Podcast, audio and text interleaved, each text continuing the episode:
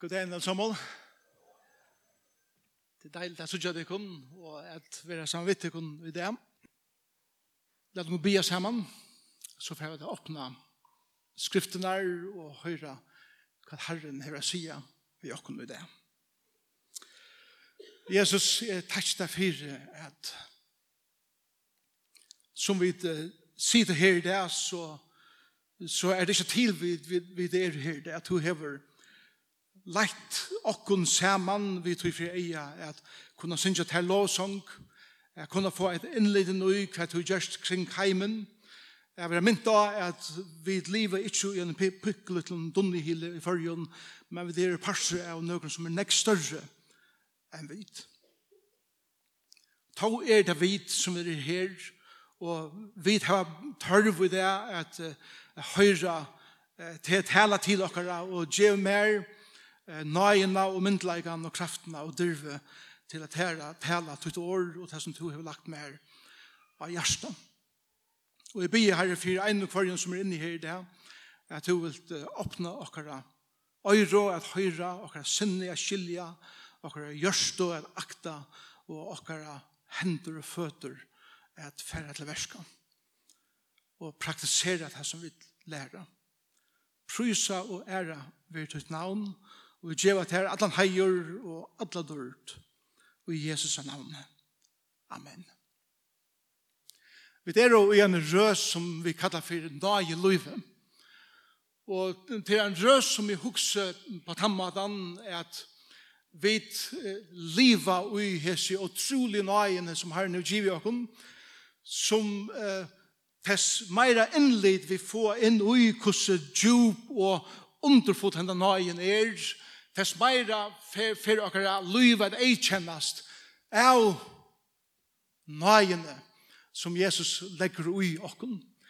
Nøyen er ikkje nekka som skal bæra eh, tåsast om, det er nekka som skal færast latt om, og til heldig ikkje nekka som skal bæra undermedast, og heldig ikkje nekka som skal misnøytast.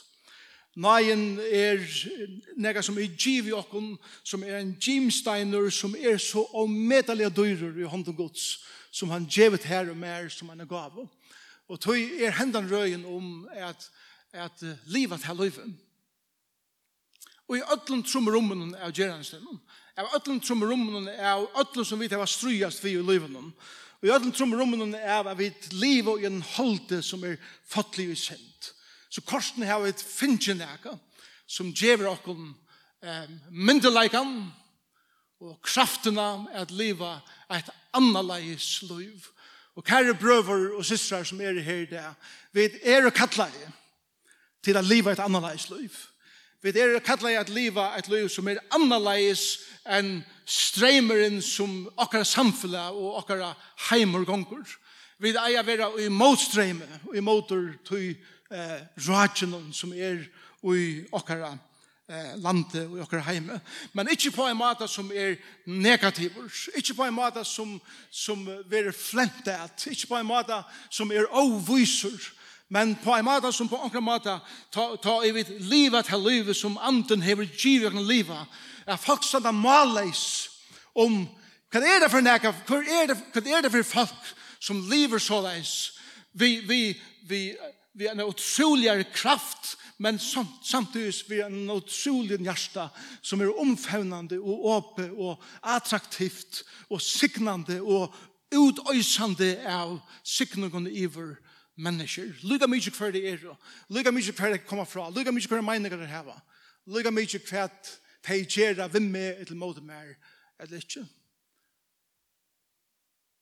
Det livet er omøvelet. Og jeg kan sjálf. Tog henda røyen veri om at vi kunne ikke gjøre vi tog for ei at vinna frelsene. Hon er given okkom. Kære bror og kære syster som er her der. Kvilo i hesen at Jesus røpte av Golgata krosset til er fullgjørst så var god nøkter vi til verk som han gjør det av Golgata. Og han krever ikke av det her at du legger ned et træt hans er fullkomna verste. Og til nekvo i det som livet sitt andalige liv, og i øtten om er jo god nok, eller er jo god nok, er det ikke akkurat meir som er med gjerne vi tog for jeg er god for jeg blir enda bedre venner. Guds kærleik til tøyen er fullkommen. Og ta til hukte av hans son. Og du takka i honom fyrir til verk som han gjør det Golgata. Og du jotta i fri honom at du er et menneske som er fotlig og synd, som kan ikke gjøre vi til anna enn at kasta det av han. Ta i to gjør det til Ta gjekst du iver om fra deia til liv. Ta gjekst du iver om fra myskenen inn i ljósen. Ta var så født, eller føddur av nudjum, et nytt liv kom inn i til livet som du annars lever. En nytt føying for fram. Vi ødler er født inn i denne heim av vattnet som Johannes tror hos her om. Og det er fostervattnet som fer, og vi kommer inn i denne heimen, og jeg er med over teker mot råkken. Hin føyingen er den andalige føyingen. Ta vi djever akkur lov til Jesus, så får han nødt føying fram som er av andanen. Som er et evigt liv, og ta vi vi vera fødda nødtjon, så stender öll tru einden her og teker måte der. Fægeren, soneren og hele anden stender her og sier, velkommen inn i et nytt rydtje, og i en heim, en nødtja mata et livet på i hessen heimen. Og tog brukte jeg trudja taler og jeg røyne ta så om jeg sa og trolige frelsene som vi da finnes. Men det som vi eisen må skilja er det at samme hatt som vi er frelst av nøye så skulle vi halda av at livet av nøye. Nøyen var ikke bare ta tøy, nøyen er nu tøy. Det er at halda å at liva ut tui som, som tui føringen som får fram. At vita at jeg skulle liva mitt andalige liv. At samme hatt som jeg ikke kan gjøre vi til inni og i tjattnen hjemme sjolven. Det var frelster. Så kan jeg som så helter ikke gjøre vi til livet i livet som er tryggvande inni og i tjattnen hjemme sjolven. Og her er det, nek vi er okon er åsamt om hvordan det er her livet er. Jeg trykker at det er noen ting som vi kunne gjøre noe om til andalige livet som god lever og i mer. Men tjattenen er til andalige livet. Lever Jesus og i mer. Han gjør til verste og i mer som han er til verste å gjøre. Og jeg som så kan ikke gjøre vitt det er få at det vekser meg. Jeg kan være vidt til at hindra deg, og til maten i livet på. Men han er til verska, alla tøyene ut her. Lykke mykje hver til å komme fra i det. Lykke mykje hvordan tøyt liv ser ut. Erst du et baden Jesus her. Erst du født og født av nødgjønn så er Kristus til verska i tøynen livet. Jeg gjør han ikke godt, jeg gjør han ikke vekkost, at gjøre nekka som reflekterer hans anlit og karakter. Hva så er det at du blir vekrere og vekrere for kvann det?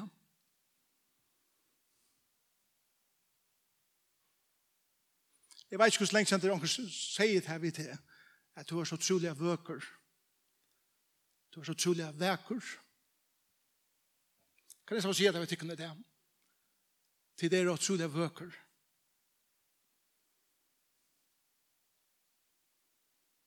Ødle av okken er imisk.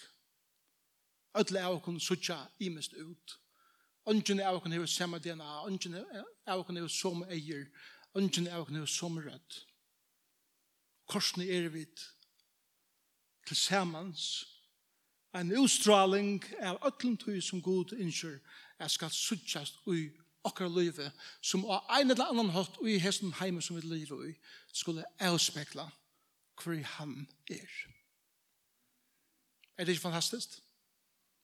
Til vi er vi kallet til livet. Og jeg begynner i det første talene at, at, at, at ta så et her hva Jesus sier at han utryra med ur livet hans er skulle som skriften har sagt renna streimar av livande vattne. Og at han sier han om andan og i teg finko som tro av han. Og det er det her som Jesus sier vi jo om kom til munn Og han tåsar til okken som, som, som høyra til honom til, koma til munn, trekkje av vattnen, og urtekar av løyve, og, og jeg forklarer for jeg at året løyve er, er året kåla, og griskon som året kolitis kommer fra, at det er tjattene nyrre i bjudgen, det er innast av åker løyve, sier Jesus, ur her skal spretta streymar av livande vattnet, så er det sett, ta i vitt liv åker løyve, så gjeva vi nega fra som er til signing, og som er til å sløtja tosta tja menneskjon, så er det ta vi kommer inn i et rum, eller inn i et sted, så er det akkurat løy kallet til å være sløy, at har vi færre ut ur til rummen, så leder vi et eller annet være etter. Av enga Kristus er. Tan engen er tvifaldur. Kristus Paulus tåsar om at vi leder etter okkom engan til liv, eller engan til deia. Og hele anden teker til, og mennesker som ikke vil trykva Jesus, det er en enge til het her at jeg er jeg fortapt menneske. Til nekka som vantar i min liv. Til nekka som jeg ikke har i enn. Og ta langslen byrjar ui til menneskene å finne Jesus.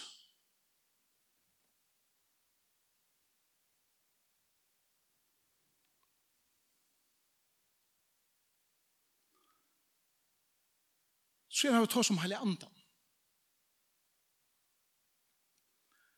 Vi kunne ikke leve akkurat liv uten hele andan. Heilige anden er tre personer trojanerinnar. Han er han glemte Han han er han som vi har minst ta seg om hvordan vi akkurat sysklun av samkommen. Han er han som vi ikke gjør det videre, hva vi skal gjøre vi. Han er han som ikke er så hanfærlig, og tror at vi kan frihalda oss til færen, vi kan frihalda oss til sonen, men at det kommer til hele andan, og andre er, er året vinter, så er det ikke noe som vi kan få fætre av beinleis, og tror er det mindre andan som en digva, eller som eldur, eller som vindur, og så videre.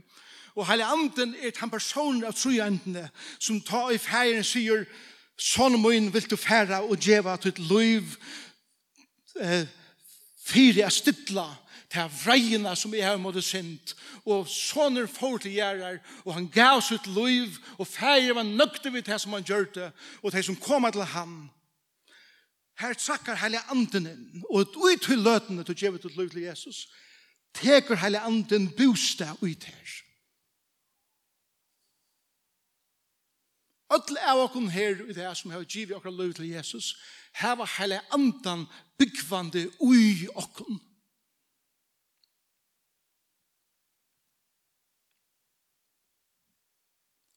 Og han samfører den første talen som jeg har om heilig andan. Han samfører oss om sin rattvus og dom. Og senast tar vi om kraftandans, at han kommer ui okken og iver okken og en slik han hatt, at ta ui vid hva bruk fyre, at standa fram. Så er vi det alle kattla i og her finnes kraftena og alt det som okken tørvar til, at kunna tåsa og at kunna utstråla det som Jesus innskjer og lov skal utstråla seg av. Kraftandans er heter dynamitte som er ui mer, ta i tåls, tåse Guds år, så kommer han inn i tjattene av en menneske løyve og spranger det. Dynamis er året som dynamitt kommer fra, og spranger det innanfra og ut, så at et menneske blir brøtt innanfra. Jeg lykjast, meir og meir i Jesusen.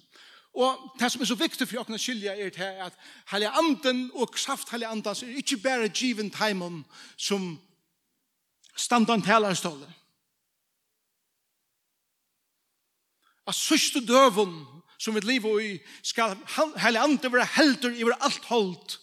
Menn og kvinner, bøtten som eldre, træler og fru, heva finnje hetta fra gode, at her som to kjemur, hever to myndeleikan og Jesus er navne vi kraftandans at gjerra mun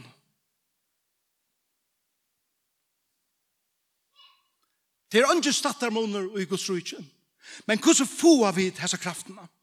Det er vi er skilje at mitt liv er livet og i trygg og i alle de er at det som Jesus har gjort gjørst helters og eisning og i omvending, er at mitt liv er i alle tøyene fer som jeg må komme atter til krossen og asanna, at jeg vil bruk for kraft her i andre som min liv. Det er den takten som mitt liv alle til trygg og omvending, trygg og omvending, og tess nærre vi koma halde andan og tess meira vi skilja hvor han er i okra løyve, tess meira kraft mykje vi er okra løyve. Så er spurningren som ikke tar som en det. Hvordan ser det så ut og i en rent amintelig og gjerende stege og i okkara liv? Hvordan ser det ut? Og her tar Paulus uh, om hatta livet. Livet tja en person som hever heilig andan og især og byrjar at bæra den avvøksten som heilig andan kultiverar i mer. Galaterbrev kapitel 5. La oss slå på Galaterbrev kapitel 5. Og la oss lese noen vers sammen ur hessen kapitlen. La oss begynne ved vers 16. Tror jeg at det som Paulus vil ha kunne skilje, og Paulus var utrolig reeller, han var et reelt menneske, som visste at det er ikke som eitre å være iverheilaver, tog jeg vil liva ui en gjerensdeg av noen verleikon. Og tog sier Paulus ui, ui Galaterbraun kapittel 5, og vi kan lesa fra vers 16, her sier han, livet ui andanen, så fullfra det ikke gjernd holsens. Tog holde gjerna som måtte andanen, og andre måtte holde noen. Hese standa kvars ørene motor, for at de skulle ikke gjøre det som tid vilja. Så, så dette er um, realiteteren som vi ødel livet i. Ønsken av oss inni her er undan tidsen hæsen. Vi har en av natturen og jokken som eiter halte til det gamla menneska, til er til menneska som er fatle og synd, til en pastor av meg, til en pastor av her, men i akkurat nødgjeføying her finnes jeg heilig andan. Og, og han sier at det er en konstant strøy i middelen hæseberg. Det er i barde vi går sammen. Og vi, vi, vi kjenner det. Vi, vi kjenner teknikere av det. Anker hever en, en, en, en angestandard i hæsakslene, og så en, vi har en lutja og innar og, og til røttene ta seg inn i okra liv alle tøyene, og hva vi skulle gjøre, hvordan skulle reagera og, og kvar er det vi taka for liv, og så videre. Det kjenner vi til myndene her. Men realiteten er han er at vi har her tver natturer og i okken som vi lever vi, som vi må velja hverja vi fua av dem.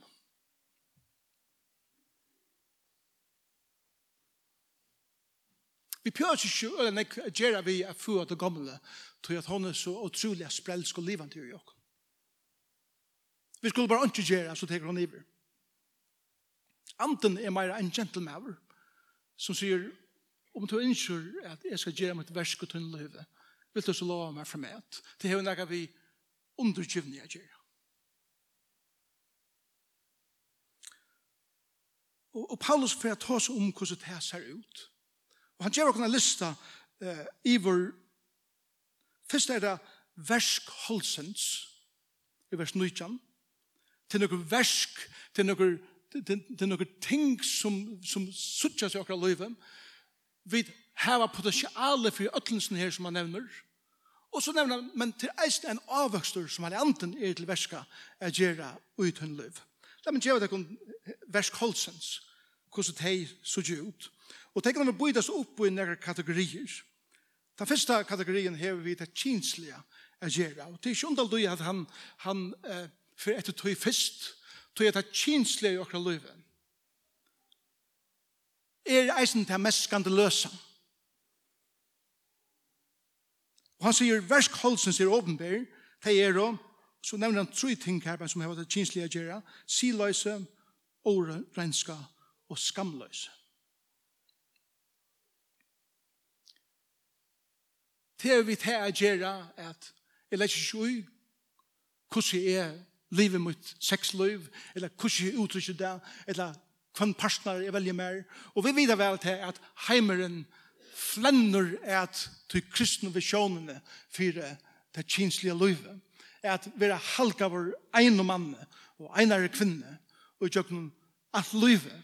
Heimeren heldet til er pura borsvig og, og, og vende det fullkomlige høtte og sier at kinslivet er bare skulle kunne, kunne uttrykke det akkurat som vi vilja. Og Paulus sier at urslidige tog, av tog er siløse og årenska og skamløse. Så kommer man inn i et annet øke som har vi akkurat eh, antallighet å gjøre. Avgådadryskan og gander. Og det som de årene betyr er at Og i holden vil jeg si at jeg vil ikke hava nekran god om min liv. Jeg vil kontrollera hverjon jeg tilbyr, eller hverjon jeg gjev mitt liv. Og tog blir vi til av god her. Det er ikke nekran som bestemmer i meg, men det er det som er fag i mine glede og nøgsemme bursur. Det er den andre kategorien. Den tredje kategorien er vi okkar forhold å gjøre. Forhold vi kan annan. Hva ligger du i mer om mine forholdene? futjenskaper, klanter, kappingarhår, vreie, strøy, tvidrotter, flokkadrotter, øvund.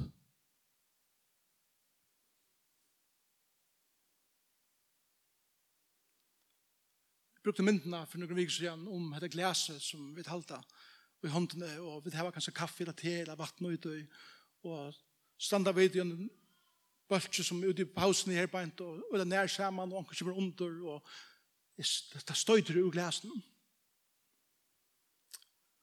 Spurningren som Paulus spyr okken, hva kommer ur glasen og kommer ut sitt her, da anker kommer under til her livet? Da anker provokerer det, da anker gjør sin åte, da anker er åsamde vidt her. Hvordan reagerer du? Hvordan reagerer du? Hvor er reaksjonen? Hvor er første naturlige reaksjonen? Og meg av sånne årene som er just her å lyse, er nemlig at her reaksjoner som øde ofte først kommer ut. Og så tar han til senere, seneste kategorien er ta i alt fer av spåren. Og her tar han om mor og drikkeskap og svirr. Svirr er et. Jeg har nekka tikkene disse siste vikene brukt året svirr. Det er kjørt år som vi brukar vanliga. Svirr er ta i tun vreie og tun øye er ferdig totalt ut av kontroll. Og til husa ofrier. Og til nødt til å rinja etter politien og leit landa for å få fri. Og, og, og alt det som, som du kommer er så okontrollerende til svir. Klantor og larmur av ter. Öll hese tingene, kære brøver og systrar, så vøker som vi der, og så nek som hele anden bor i okken, har vi potensialet til eisene. Vi det det avtøy? Hvis du har en tryggvande personer og tror av Jesus, så er du frutt å kunne si, hatta er eisene en pastor er mer. Hatta er tui er å bruk fyrir Jesus. Hatta er tessvekna er å bruk fyrir at han er anden bor ui mer og lever ui mer. Gjernesavren som er og ter er er avskaver av atlensen her. Til et arbeidsplass, til en familie, til en bøtten, til en forelder, til en tjunafeleie, til vinner, eller hva det som skal være, kunne sia om meg noen av sånne tingene som jeg just har lyst.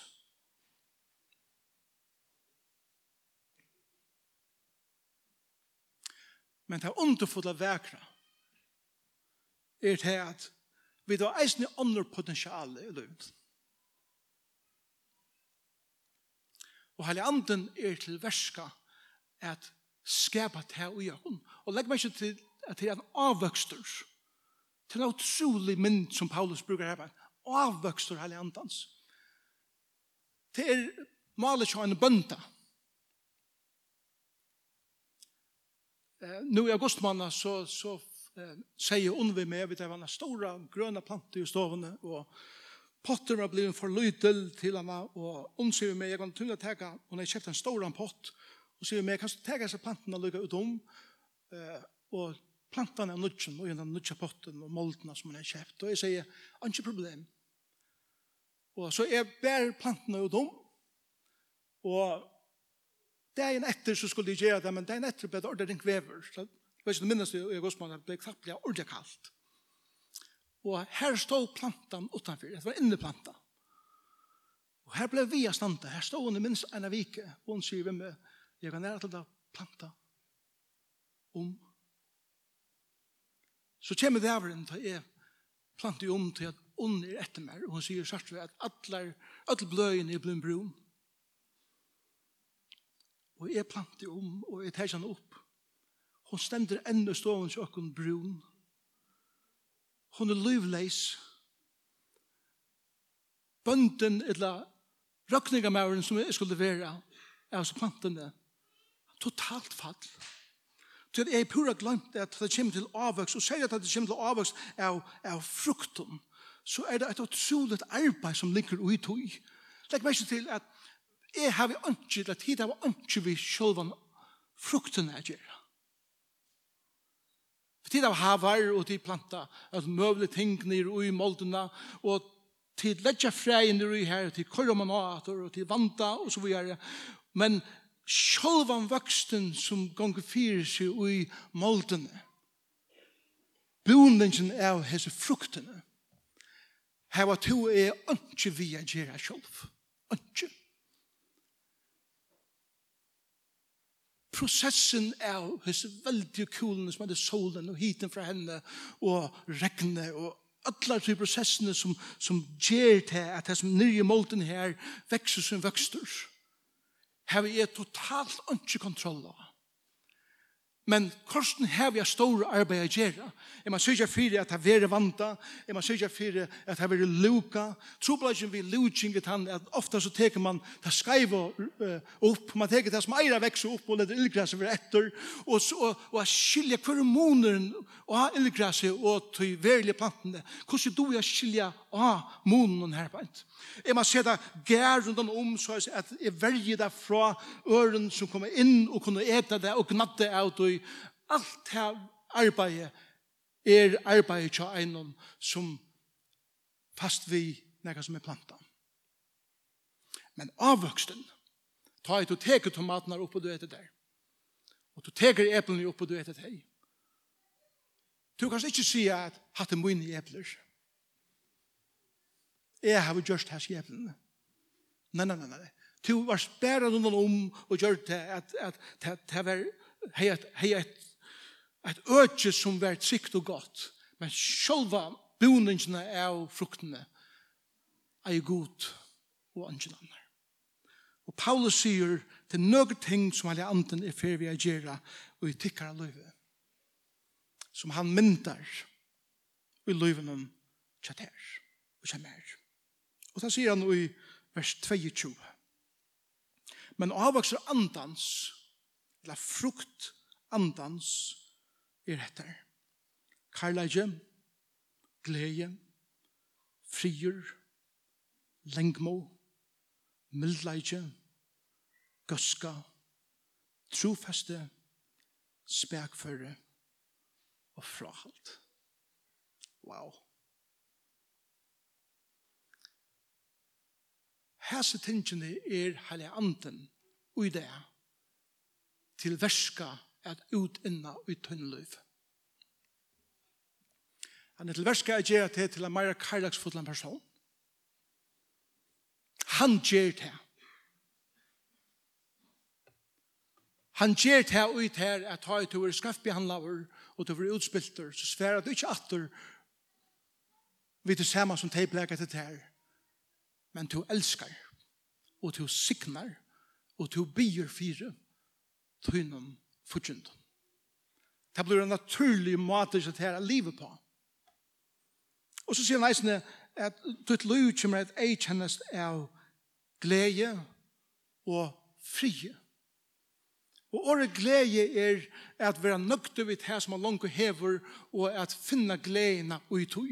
Det er ikke det at ta og i fa i hattar, eller ta og i bliv i hattar, eller ta og i oppnå i det, så får jeg glæver. Det er å være glæver og i ta med omstøvende som er jo beint nå og i, sjøkt om det kan være troplar, så finner jeg gleden i hesson at jeg er Guds og at Jesus elskar meg, og at hele anden lever og i mer. Det betyr at, at lika mykje hvordan livet kommer seg ut, og lika mykje hvordan ødnar vekkri er rundt om meg, så er det innast inni og i mer enn frigjør. Jeg kan letja meg nir av kottan om kvölde. Jeg veit at negv leikar av. Men heljanden er vi til å si at jeg kan jeg får ikke hva denne gå natt til natt. Jeg sover vel.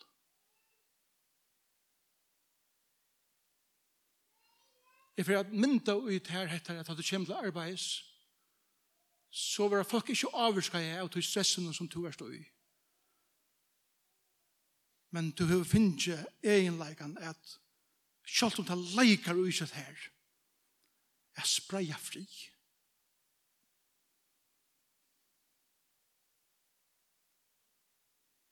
Jesus sier, selv er det som får fri og læ. Og det er at du får seg dirve, at trakke inn i situasjoner hver ofri er, Og at andre nu djevet er her gavene at ui tui ofrinen, vera mittelen av per, vera i familie, vera i arbeidsplass, eller hver det er, at skapa fri og i teimen omstøvnen, som annars så gjør utrolig utrolige seg ut. To er ikke vidt å gjøre, annet enn bare at vanta og verja. Og, og, og velge at livet så er at, at du gjør det. Og folk sier, hvordan blir det til at du er sånn fri? Og du må sier, jeg har ikke vidt å gjøre, men det er hele anden som bor i meg. Og så sier han, Du som eisen et eikjennast av lengmo og, og myndeleika.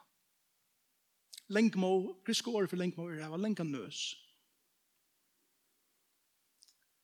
Det betyr bare at tåla nekve av og du blir via tåla nekve av. Du blir via og nekve måkong til løyven. Men du er størst stadigvæk. Du har nekka suksess i livet noen. En av største frestingen i livet noen er han nekka suksess. Kjenner ikke kvant? Du er bare stolt. Lenk må gjøre det her. Lykke mye hver jeg er i livet noen, så er jeg hesten her som er den samme. Og jeg halde av, og jeg slipper ikke. Og, og, og mildla ikke. Gresk året for mildla ikke er Kristus.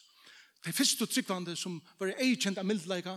De helt hildo at Kristus og Kristus var samme året.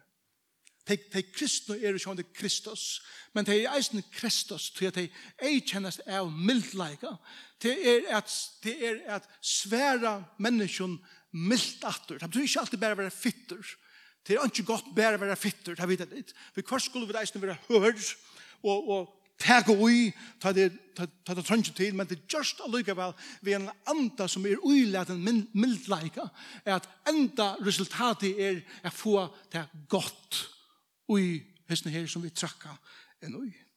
Og så sier han gaska og trofeste er eisne et år som, som vi har bruk for at eller karakterer som vi har bruk for at løyva halja andan ut innan økla løyva. Gaska Det kommer år fra åren fe oss som har vi god å gjøre. At det er å være ens og god som oppoffrer seg for ånder. Og trofaster, stor er til en trofastor som jeg vet. Vi tar bruk for folk i samkommende og i løvende tjaken, som vi vet at lykke mye hver hender så er det det her. De kjenner det, ja. Det er her som lykke mye hver så er jeg her. Og er tryggfor, og du kan lyta av meg. Og jeg er ved tøyna suje, og jeg stande sammen vidt her. Her er anden utvikler hatta ui okkom. Og så igjen er det årene spekfører og frahalt. Jeg vil ha spekfører til et år som har brukt vi var kjent i hesten at temja en hest, en vittlan hest, nyer til du kunde seta deg av ham, og få teimaren av ham, og styren Og det er, at at, at heilig anden hever skapt her, kæra vekra menneska her det, Heilig anden har skapt her vi utrolig om myndelæg og utrolig styrstjø til en løyve. Og det er tøyre til en løyve hver til verst at du kunne godt trakke inn, og du kunne sett ødel på plass, og du kunne argumentera, og du kunne langa nevane borde, og ødel stingsene her, hver du kunne brukt tøyna makt og til myndelaika. Men jeg tøy at hele anden bestemmer i vitt her, så sitter han og at her, og han helder i teimen om. Så er det at du helder ødler til kraften som du annars hever, atter. Atter og reagerer ikke som kanskje holdt det hei, hun reagerer, men på en helt annen måte. Jeg elsker at det er pape, da jeg sa pape min gjør hatt der. Vi kvart så, pape var innelig i skriften, og han er fyllt ved Jesus, og nekk, nekk var. Og du kom noen unge personer til han, og Men særlig er det for jeg observerer det, og en unge person kom til han, og han sier, sikkert, jeg heldig at du var skreiver i hans versen her, og, og sånne unge personer, argumentera. Og jeg vet, jeg visste vel at papen kunne gått til Bibelen fram og sett han unge personen vel og virkelig på plass. Men hva gjør det han? Han sier, åh, kom, kom her og fortell meg mer om hva det er. Ok, la, la meg høre tøyn vinkel og forklare det for meg. Og så sa du det her og pratet. Og det forholdet som, som hese person, unge personer fikk med pappa min, var et forhold som var i flere år, til pappa min praktisera jeg avvaksandans frahalt. Han sette ikke noen unge på plass, men han lovde henne å bonast og å vekse og å leie han hadde det året. De kunne gjøre det samme ut i arbeid, til det er professional innenfor så nekk øker, og til det var nekk mer vitan enn så nekk ånder. Men kunsteren i løyven er ikke at øysa alt det ut med halda atter og hukk som forholdet av den vitan. og så lest veksa saman vi gjør og så er det frahalt frahalt er simpelthen bare kunsteren til at du er sier nei i løyven Jeg vet at alle disse tilbøyene har vi. Jeg vet at alt dette her ligger mer puro oppe, og jeg kan trakke noe ut akkurat som jeg vil. Men her i anden djevet her visdommen til å si nei er hva. Eisen er nei til ting som totalt er ok jeg sier ja til. Men du varst og i ljósen av større myndene at det er viktig her er du at sia Nei. Halle anden er til verska at skapa handan karakteren ut her. Han er til verska at gjøre det ut her beint nu. Og det som to og jeg skulle gjøre er at sørge for at her avgjørende som det her er vi til at hatta på omkring mat for å kultiveres og veksa i min liv. Og ikke det avgjørende at livet så løs at det er beint imot det til at det hindrar versene som hele anden gjør i livet om kjatt her. Anden ger til klaran som han sa, eller som Kristus er bror, at møta Jesus enn det er som tunnen brukkomme. Og han fer syrja fyrir at du møter honom utan negan plett, eller negan rukk, eller negan slukt. At du er leit fram fyrir han lyda leis og rein. Til hans er versk til Halle Andans halkan inn i tøyt og mitt løyv, at sikker vi at det hender, og skapa den karakteren som det er kjennes av i okkara løyv. Tvei lille sitat Arne Gjevist. Ein sier, karakterer er til løyve som du lever til ånden sier.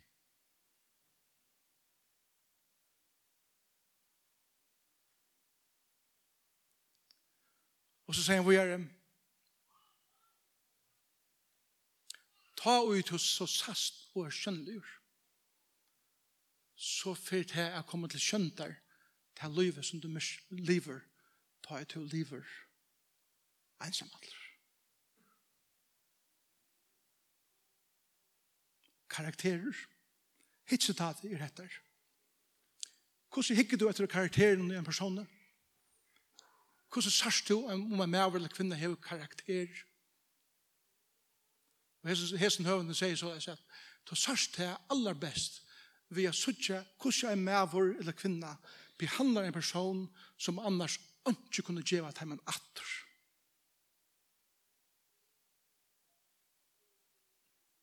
Og den ekvakken forholden er å grunne av hva kan du gjøre mer, hva kan jeg få bort ut her, og jeg behandler det så her etter, og du tror vi slikker folk Vi tror for jeg få noe at det fire, men karakterer, avvøkster, er at en person som ikke kan gjøre det her, eller bare vite litt av det opp, at du behandler den personen som god sjølver har behandlet den personen. Så kære brøver og søstre, avvøkster andans og i tøynen og min livet. Bliva skjønnelig. Hvis vi bevust vil gjøre alt som den om for at det hender. Og vi sutjar det som oftast ikke sjølv.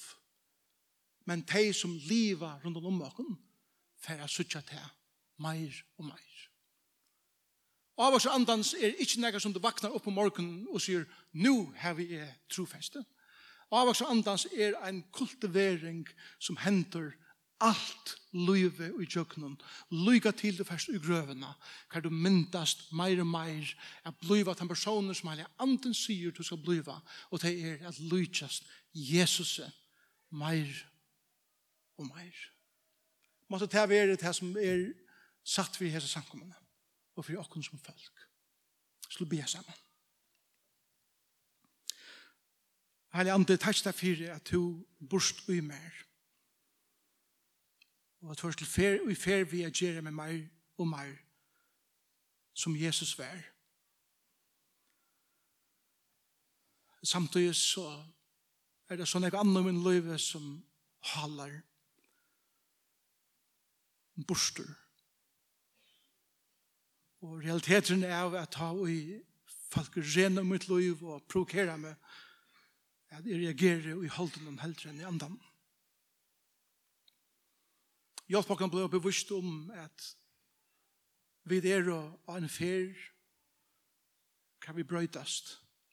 Og jeg bier Herre Jesus om at som vi blir eldre og eldre, vi som sitter her i morgen, at akkurat liv, mann av morgen og torsdag, og at det hinner det henne, og i akkurat relasjoner vi mennesker, skulle eikjennes mer og mer av Inga Kristus her. Ut først av hele andanen, fernen til dult og ære. Dette ber vi ut i Jesus navn.